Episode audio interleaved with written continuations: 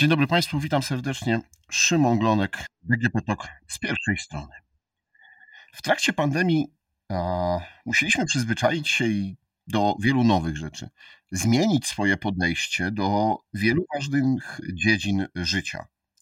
E, jedną chyba z najważniejszych to było podejście do edukacji, bo została wprowadzona na powszechną skalę e, e-edukacja.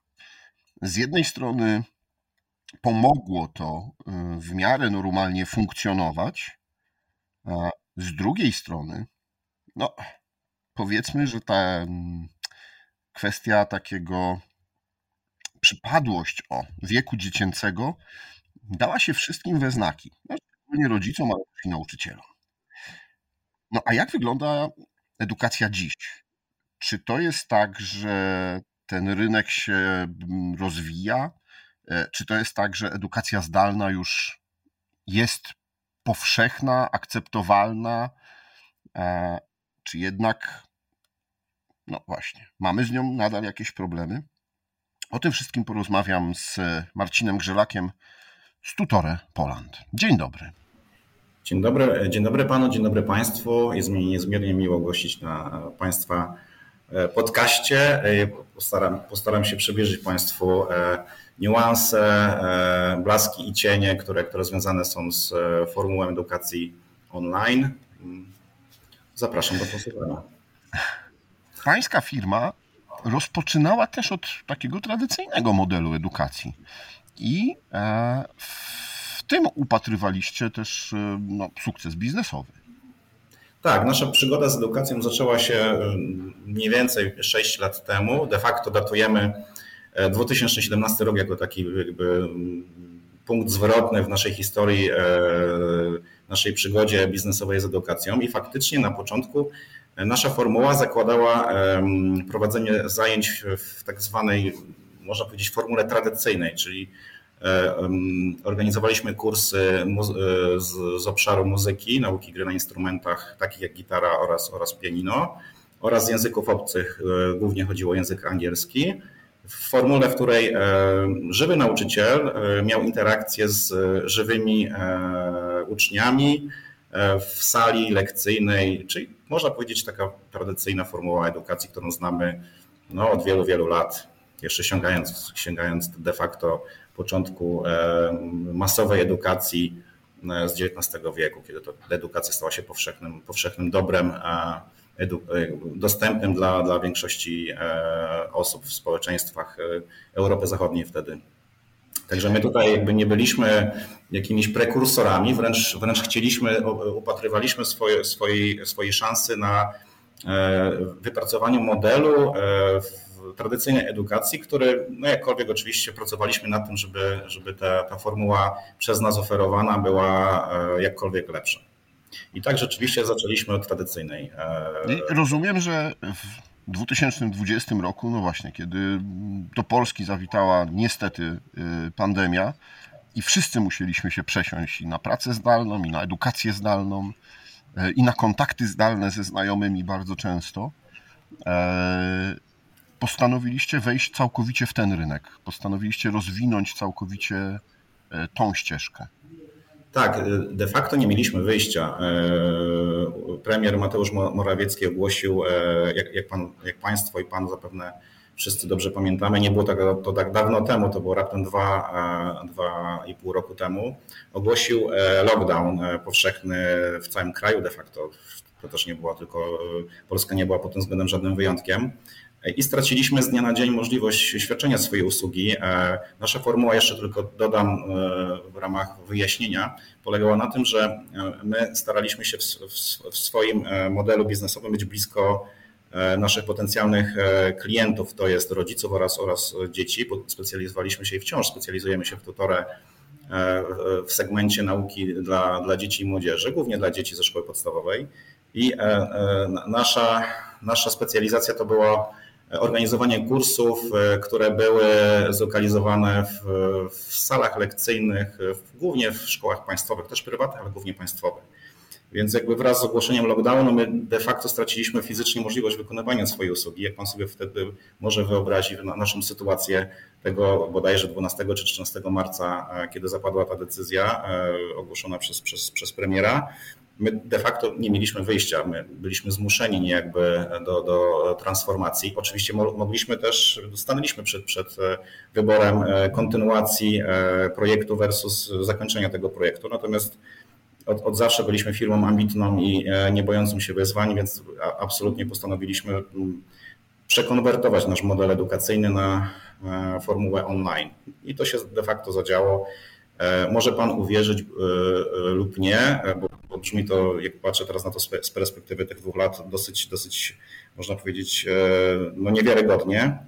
W ciągu trzech dni e, doprowadziliśmy do sytuacji, że nasze zajęcia w wersji próbnej, wersji testowej w ciągu trzech dni roboczych się pojawiły już, już na, e, na platformie, na, na, z którą się związaliśmy na, na dłużej, e, więc jakby testy przeprowadziliśmy w ciągu trzech dni roboczych i później z, z, z, z obszaru testów przeszliśmy na, na, na fazę konwertowania całej szkoły na formułę online. De facto zajęło nam to dwa tygodnie, mniej więcej dwa tygodnie E, kalendarzowe, więc jakby w, ciągu dwóch tygodni przekonwertowaliśmy całą szkołę czy wszystkich dotychczasowych uczniów na formułę online. E, I... No to widać, że miał Pan e, większe szczęście chyba i, i, i trochę lepszą organizację niż to tradycyjne nauczanie, no bo tam to trwało 2-3 tygodnie z tego co pamiętam, a bolączki były no chyba przez, całe, przez całą edukację online, chociaż rzeczywiście E, im dalej w las, tym, tym razem było lepiej, a nie, a nie ciemniej, e, bo, bo i nauczyciele, i uczniowie jakoś się e, nauczyli i przyzwyczaili. Ale właśnie proszę powiedzieć, po tych dwóch latach, po tym jak wróciliśmy no już trochę do takiego, no już całkowicie do normalnego życia, zajęcia do szkół wróciły, uczniowie ale też dorosłe osoby no, mogą spokojnie spotykać się, chodzić na, na zajęcia stacjonarne. Jak to wygląda z Pana punktu widzenia? Czy jest nacisk na to, żeby zajęcia, które Wy organizujecie, które są dodatkową edukacją, które rozwijają pasję, były też właśnie w takiej formule tradycyjnej? Tak, e, tutaj e, musiałbym się zagłębić bardziej w szczegóły, e, nazwijmy to segmentacyjne, czyli te, te, te, potrzeby z perspektywy uczestnika danego kursu, one się zmieniają wraz z wiekiem. To jest, jak pan sobie jest, jest prawdopodobnie w stanie wyobrazić, mm, dzieci, szczególnie te z klas 1-4, które to, to, to wymagają takiego no, dozoru fizycznego ze strony rodziców i opiekunów prawnych, jakby tutaj jakby osoby decydujące o formule edukacji, a to jest w 99% zawsze rodzic lub opiekun prawny, e, w ankietach, w różnego rodzaju badaniach e, mm, rodzice deklarują jednak chęć uczestnictwa w formule edukacyjnej, która wiąże się z zajęciami na żywo. E, czyli jakby ten trend E, e, kontynuowania edukacji w takiej, można powiedzieć, starej formule przed, przed covidowej, on wciąż jest bardzo mocny i wciąż jest, wciąż jest obecny. Zresztą jest wiele dziedzin edukacyjnych, takich jak sport, taniec, które ciężko sobie wyobrazić jako takich czysto, czysto digitalowych, czy, czy, w której to interakcja pomiędzy nauczycielem, nauczycielem a uczniami jest czysto cyfrowa. O, formuła e, edukacyjna cyfrowa, ona może wspomóc taką edukację, nawet taniec czy, czy, czy sport, e, E, na przykład w postaci nie wiem, dodatkowych filmików instruktażowych, dodatkowych zadań e, i tak dalej. Natomiast tak główny rdzeń e, edukacyjny danego kursu, na przykład hobbystycznego, szczególnie dla dzieci, które to no, wymagają jeszcze dodatkowej opieki, stymulacji, nadzoru takiego mentorskiego, nazwijmy to, no ta, ta, ta forma edukacji jest wciąż bardzo mocna i tutaj według badań, którymi dysponujemy, nawet 70% rodziców dzieci z klas 1-4 deklaruje E, e, pierwszym wyborem takiego rodzica jest e, edukacja tradycyjna, w której to żywy nauczyciel edukuje dziecko, dziecko w sali lekcyjnej. I to, i to jest taka sytuacja, którą my też widzimy, dostrzegamy. Natomiast oczywiście są kursy, które i to jest absolutnie zasługa jakby takiego no, bardzo dużego, wymuszonego sytuacją pandemiczną można powiedzieć, takiej sytuacji, w której wszyscy na siłę byliśmy zmuszeni do tego, żeby taką formę edukacji odbierać i w której byliśmy zmuszeni, żeby w takiej formie edukacji uczestniczyć, bo nie mieliśmy innego alternatywnego sposobu. Jest tak, że niektórzy rodzice też się przekonują, że formuła cyfrowa, nawet w segmencie małych dzieci, e, formuła, w której nauczyciel jest e, transmitowany, czy nauczyciel jest w wersji online, a, a dzieci są e, dzieci są uczestnikami kursu za, za pośrednictwem komunikatorów internetowych. Ta, ta formuła zyskuje z roku na rok coraz większe grono zwolenników i przy odpowiednim sformatowaniu tego kursu one jak najbardziej są wartościowe i wcale nie są jakby gorszą wersją edukacji tradycyjnej. I to też jest nasza, e, jedna z naszych e, misji, e, udowadnianie naszym potencjalnym i teraźniejszym odbiorcom naszych usług, to jest rodzicom oraz dzieciom, że taka formuła ma też bardzo dużo, bardzo dużo mocnych stron i jest na, na koniec dnia dostarcza wartościową edukację, z której, z której po pierwsze są efekty, mierzalne efekty, której bardzo dobrze widać przyrost e, wiedzy na, na przestrzeni trwania kursu i z której możemy, e, możemy, możemy rodzicowi i, i dziecku przedstawić konkretne, mierzalne efekty e, po przebyciu danego kursu. No dobrze, to mówi Pan tutaj o tym, że zainteresowanie jest no, w zależności od grupy wiekowej i też tak. rozwoju edukacyjnego większe bądź mniejsze. A zadam e, z drugiej strony pytanie, jak to wygląda od strony nauczycieli. No bo jesteśmy na kilka dni przed e, Świętem Edukacji Narodowej, tak popularnie zwanym Dniem Nauczyciela. E, no i dochodzą od dłuższego czasu do nas informacje o tym, że jest duży problem z kadrą pedagogiczną, z nauczycielami, że w szkołach brakuje. Dyrektorzy, no właśnie, na początku roku mieli kłopot z tym, żeby zapewnić czy ustalić dobrze siatkę godzin. Mm, jak w przypadku pańskiej firmy, no, gdzie też korzystacie na pewno właśnie z nauczycieli, tak, no bo czy języki, czy jakiekolwiek inne e, przedmioty związane z matematyka, polski, E, rzeczywiście docierają do nas sygnały zewnętrzne o, o, o e, można, e, można to nazwać wyzwaniach dotyczących zapełnienia siatki godzin i, i w ogóle w, w kontraktacji nauczycieli w, w, szkołach, w szkołach publicznych, państwowych. My ze swojej strony też widzimy pewien, pewnego rodzaju transformację, jeżeli chodzi o, o sposób dostarczania pracy przez nauczycieli. Widzimy zwrot w, kierunku online. Nauczyciele, nauczyciele też są e, naszymi bardzo ważnymi, o ile nie najważniejszymi partnerami w naszym tutaj trójkącie edukacyjnym, e, w którym to zawsze definiujemy trzy główne persony, rodzic, uczeń oraz nauczyciel. E, tak, widzimy, widzimy, że jesteśmy w stanie przyciągnąć swoją ofertą edukacyjną, swoimi atutami nauczycieli. Wciąż my akurat nie odczuwamy tutaj deficytu deficytu e, podaży po stronie tutaj e, nauczycieli. Jakby mamy, mamy ich zakontraktowanych na tyle do, dostateczną ilość, że jesteśmy w stanie obsługiwać e, kursy, które, które można powiedzieć startujemy w trybie ciągłym, codziennie w zasadzie startujemy dziesiątki, setki kursów. Oczywiście jest to dla nas wyzwanie, bo jak, jak, każdy, jak każdy pracodawca, także my jesteśmy pracodawcą na rynku, konkretnym rynku e, edukacyjnym i też musimy spełnić pewne kryteria po to, żeby z perspektywy nauczyciela stać się wiarygodno, wiarygodnym, e, pewnym pracodawcą, który ma, ma swoje wartości, który ma swoje przewagi merytoryczne, organizacyjne, e, też, też biznesowe, bo na, na koniec dnia nauczyciele pracują po to, żeby też zarobić określone określone środki e, pieniężne, e, wynagrodzenie, więc te, wszystkie elementy, które, na które mamy wpływ, staramy się robić jak najbardziej profesjonalnie.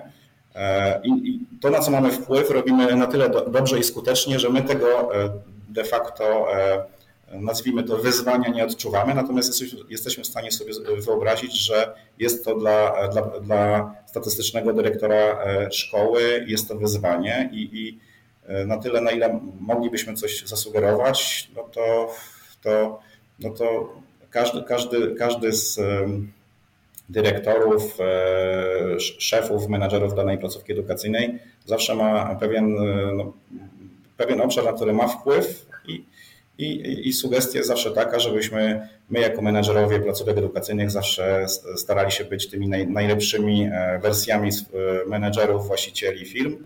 I to też w dłuższej perspektywie powinno być taktyką przynoszącą dobre owoce. No dobrze, to tak od strony menadżera, właściciela czy dyrektora zarządzającego. E, na przykład rektor Uniwersytetu Ekonomicznego w Krakowie mówi, że e, może być zmuszony do edukacji zdalnej zimą, bo nie będzie go stać na ogrzanie, bo po prostu e, ceny energii poszły tak w górę.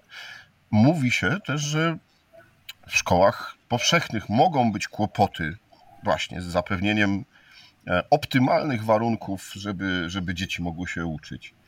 E, czy jeśli byłby taki lockdown, e, czy, znaczy nawet nie lockdown, no ale przejście na zdalną edukację, to polska edukacja jest na to gotowa, czy już, czy już wyszliśmy z tego okresu dziecięcego, o którym mówiłem na początku, który no w czasie tej pierwszych pandemii nam dał popalić.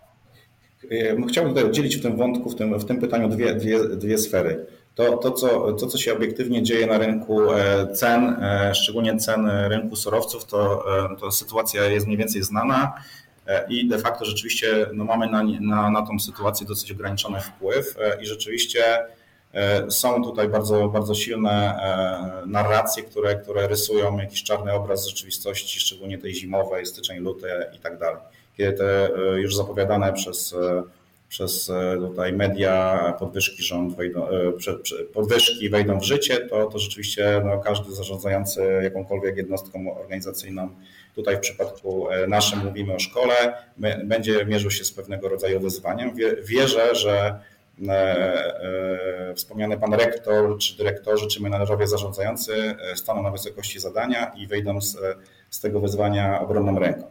Natomiast jeżeli przechodząc do drugiej części pytania, e, to czy jesteśmy e, gotowi do przejścia, e, do transformacji, tymczasowej transformacji, przejścia na, na, na mm, cyfrową wersję edukacji. Tutaj akurat taki twardy, twarde lądowanie, które nam zgotował, zgotowała pandemia i lockdown, który, którego wszyscy doświadczyliśmy w sferze edukacyjnej, absolutnie pomaga tej, tej sytuacji. To była, e, to była bardzo szybko przyspieszona wersja e, uczenia się tego, egzysten, uczenia się egzystowania w tym, w tym kanale. Myślę, że, że ta wiedza absolutnie ona nie, nie wyparowała z głów e, menedżerów, dyrektorów i, i samych nauczycieli.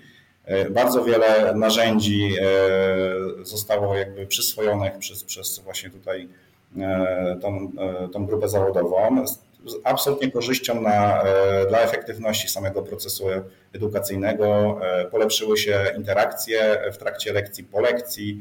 Są narzędzia, które wydłużają samą interakcję e, po, po, po lekcji, choćby słynne, słynna, słynne narzędzie ogólnoświatowe w postaci Kahoot, które to jest, jak pan, pan zapewne wie, E, bardzo znany portal do, do tworzenia interaktywnych e, quizów, e, które są jakby zintegrowane z, z danym kursem. I takich przykładów, takich narzędzi jest bardzo dużo. Nauczyciele się Znam przykłady bardzo wielu nauczycieli ze szkół państwowych, którzy efektywnie weszli w ten świat cyfrowy, przyswoili go bardzo, z bardzo dobrymi rezultatami i do dnia dzisiejszego korzystają z tego typu narzędzi, więc myślę, że absolutnie jesteśmy dużo bardziej gotowi e, jako cały system edukacyjny do, do tego, żeby egzystować w, w takiej formule. No dobrze, to mam jeszcze takie pytanie, no bo na pewno e, obserwuje Pan e, światowy rynek europejski, tutaj naszych sąsiadów.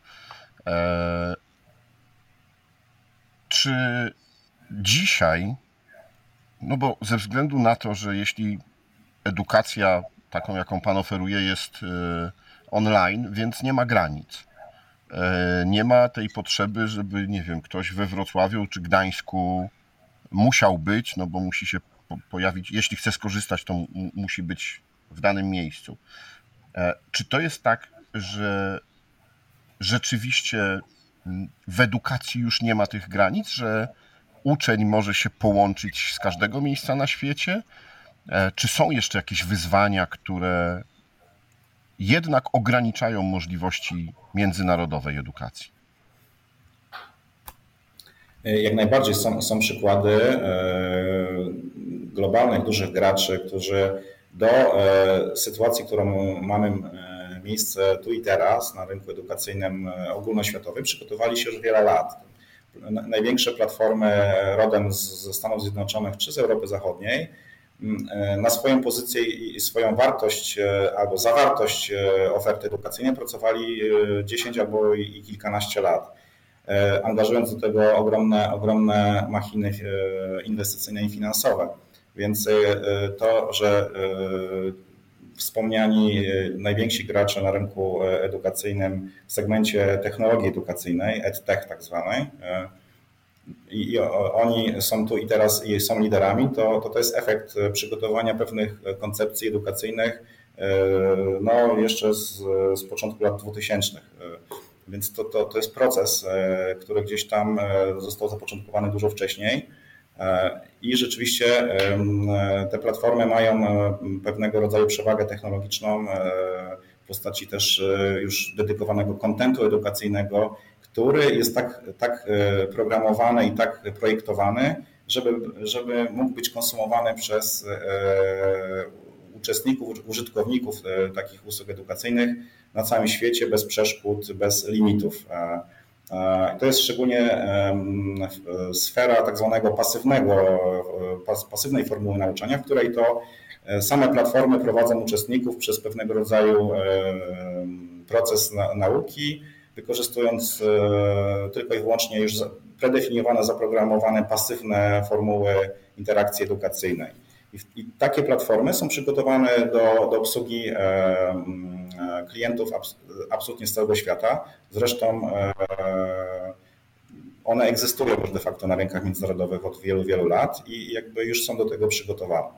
Natomiast jeżeli chodzi, jeżeli mówimy o, o taki segment edukacji, w której mm, głównym aktorem jest wciąż e, żywy, żywy nauczyciel, który jakby wzmacnia interakcję edukacyjną z uczestnikami kursu w wersji e, lekcji indywidualnych bądź lekcji grupowych, bo w Tutore Poland e, mamy obie formy edukacji z żywymi nauczycielami w roli głównej. Tutaj wyzwań jest troszkę więcej. Pierwszym, pierwszym najważniejszym jest bariera językowa pomiędzy nauczycielem a uczestnikiem kursu.